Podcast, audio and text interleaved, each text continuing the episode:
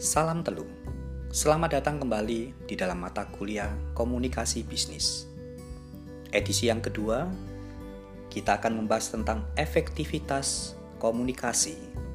Kemudian kita akan membahas juga munculnya kesalahpahaman berkomunikasi dan bagaimana menyelesaikan kesalahpahaman tersebut.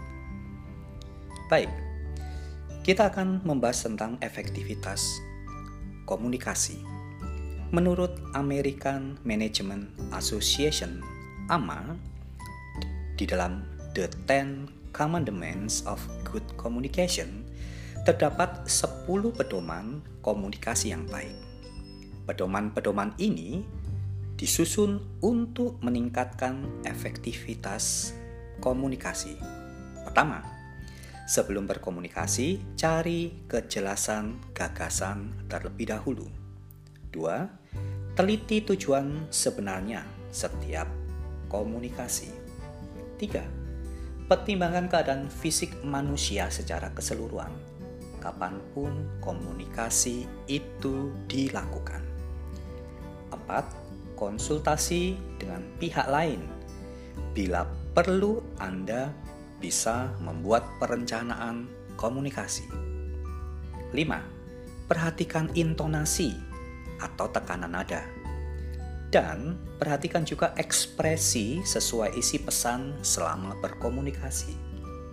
6. Ambillah kesempatan untuk mendapatkan segala sesuatu yang membantu atau umpan balik. 7. Ikuti lebih lanjut komunikasi yang telah dilakukan. 8. Perhatikan konsistensi komunikasi. 9. Tindakan atau perbuatan harus dapat mendorong komunikasi. Yang terakhir, ke-10. Jadilah pendengar yang baik karena berkomunikasi tidak hanya untuk dimengerti, tetapi untuk mengerti. Saya ulangi, jadi pendengar yang baik karena berkomunikasi tidak hanya untuk dimengerti, tetapi untuk mengerti. Selanjutnya kita akan membahas tentang munculnya kesalahpahaman komunikasi. Di dalam suatu pidato, ada kecenderungan beberapa pesan tidak dapat dimengerti oleh penerima pesan dengan baik. Hal ini disebabkan oleh adanya faktor penghambat komunikasi antara pengirim dan penerima pesan. Faktor-faktor penghambat komunikasi tersebut dapat dikelompokkan ke dalam empat masalah utama yang mencakup antara lain masalah dalam pengembangan pesan, penyampaian pesan, penerimaan pesan, dan penafsiran pesan. Mari kita akan membahas satu persatu. Yang pertama, Masalah dalam pengembangan pesan. Sumber masalah potensi dalam mengembangkan suatu pesan adalah dalam memformulasikan suatu pesan. Saya ulangi, sumber masalah potensi dalam mengembangkan suatu pesan adalah dalam memformulasikan suatu pesan. Masalah dalam mengembangkan suatu pesan dapat mencakup antara lain munculnya keraguan-raguan tentang isi pesan kurang terbiasa dengan situasi yang ada, atau masih asing dengan audiens. Adanya pertentangan emosional, bahkan kesulitan dalam mengekspresikan ide atau gagasan. Seringkali terjadi seseorang dihinggapi rasa ragu-ragu antara ya atau tidak, benar atau salah, disampaikan atau ditahan, dan sejenisnya dalam mengambil keputusan. Apabila hal ini terjadi, ada kecenderungan seseorang akan mengalami kesulitan di dalam mengembangkan pesan lebih lanjut. Jika seseorang gagal dalam mengembangkan pesan, proses komunikasi akan dimulai dengan sesuatu yang salah, yang pada akhirnya akan membawa kegagalan yang akan berkelanjutan atau terus-menerus. Kedua, masalah dalam menyampaikan pesan. Komunikasi dapat juga terganggu karena munculnya masalah penyampaian pesan dari pengirim ke penerima. Masalah yang paling jelas di sini adalah faktor fisik. Misalnya, terdapat sambungan kabel yang kurang baik pada sound system atau antara tersambung dan tidak, sehingga muncul bunyi-bunyi yang aneh. Kualitas suara sound system yang kurang baik atau lampu yang tiba-tiba padam. Bahkan mungkin audiens terhalang oleh pilar dalam suatu bangunan. Meskipun nampaknya sepele, gangguan-gangguan tersebut dapat menghalangi atau mengganggu suatu pesan. Jika sedang menyampaikan presentasi makalah atau kertas kerja, sebaiknya Anda memilih tempat yang memungkinkan audiens dapat melihat dan mendengar dengan jelas apa yang disampaikan. Jangan sampai ada di antara mereka yang merasa terhalang oleh sesuatu, seperti terhalang oleh tubuh Anda sendiri atau terhalang oleh tiang atau pilar suatu bangunan. Masalah lain yang muncul dalam menyampaikan suatu pesan adalah bila dua buah pesan yang disampaikan mempunyai arti yang saling berlawanan atau bermakna ganda Bila dua pesan disampaikan sekaligus, akan muncul gangguan dalam arus komunikasi. Masalah serupa juga akan muncul bila suatu pesan disampaikan melalui saluran penghubung yang cukup panjang. Orang terakhir yang menerima pesan kemungkinan hanya dapat menangkap sebagian kecil saja dari orang pertama, atau bahkan pesan yang disampaikan bisa jadi bertentangan dengan pesan aslinya. Ketiga, masalah dalam penerimaan pesan. Sebagaimana halnya dengan menyampaikan pesan, menerima pesan pun tidak luput dari masalah.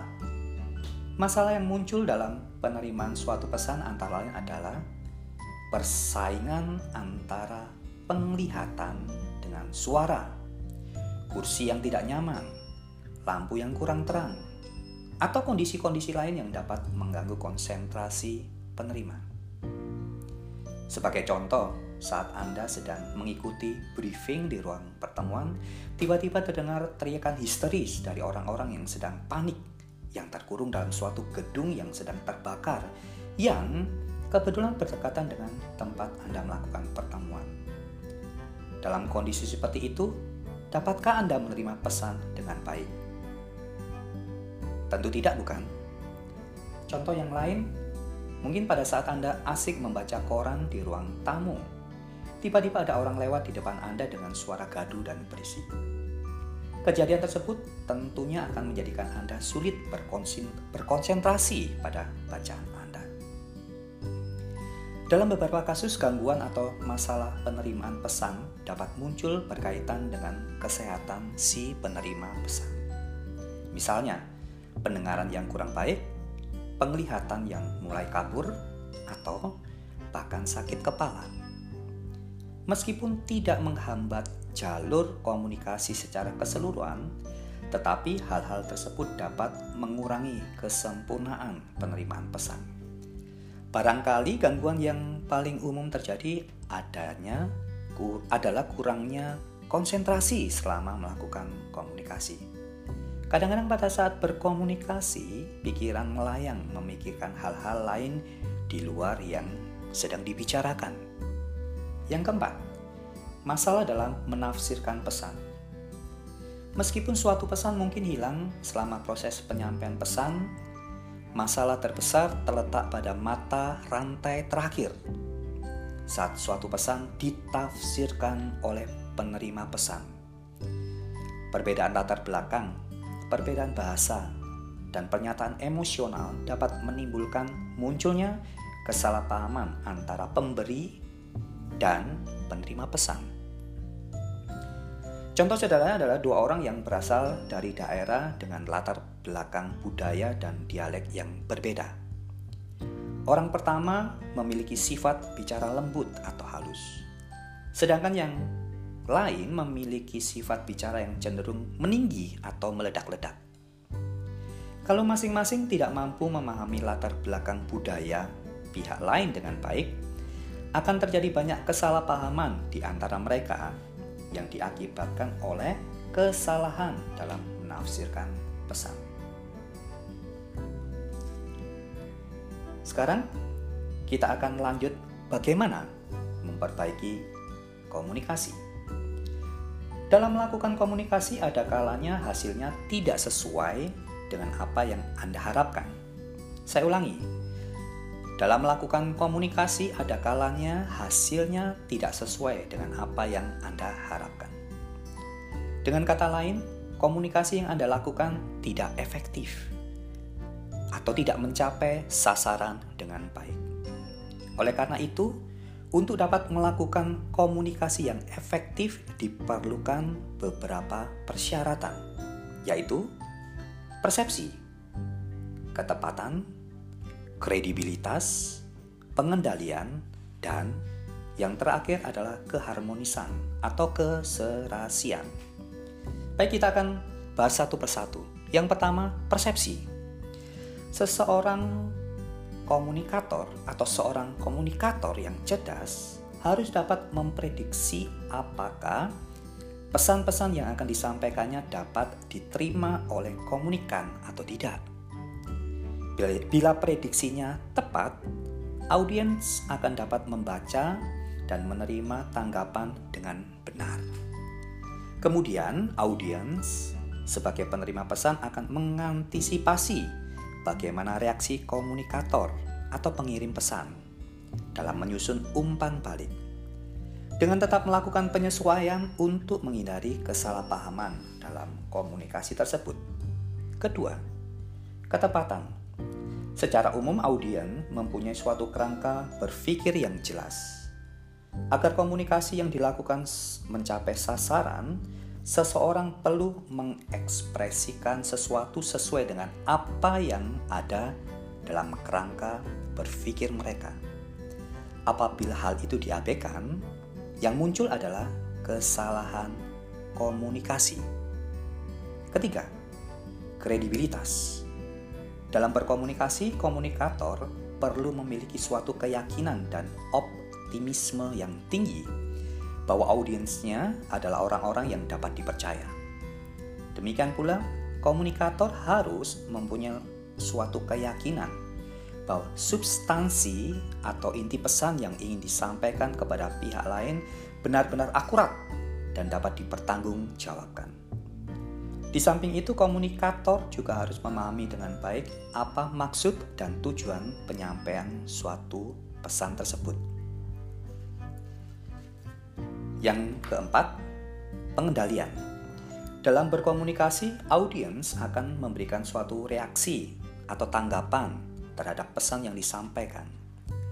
Reaksi mereka dapat membuat komunikator tertawa, menangis, bertindak, mengubah pikiran, ataupun lemah lembut. Hal ini ditentukan oleh intensitas reaksi yang dilontarkan audiens terhadap apa yang disampaikan oleh komunikator.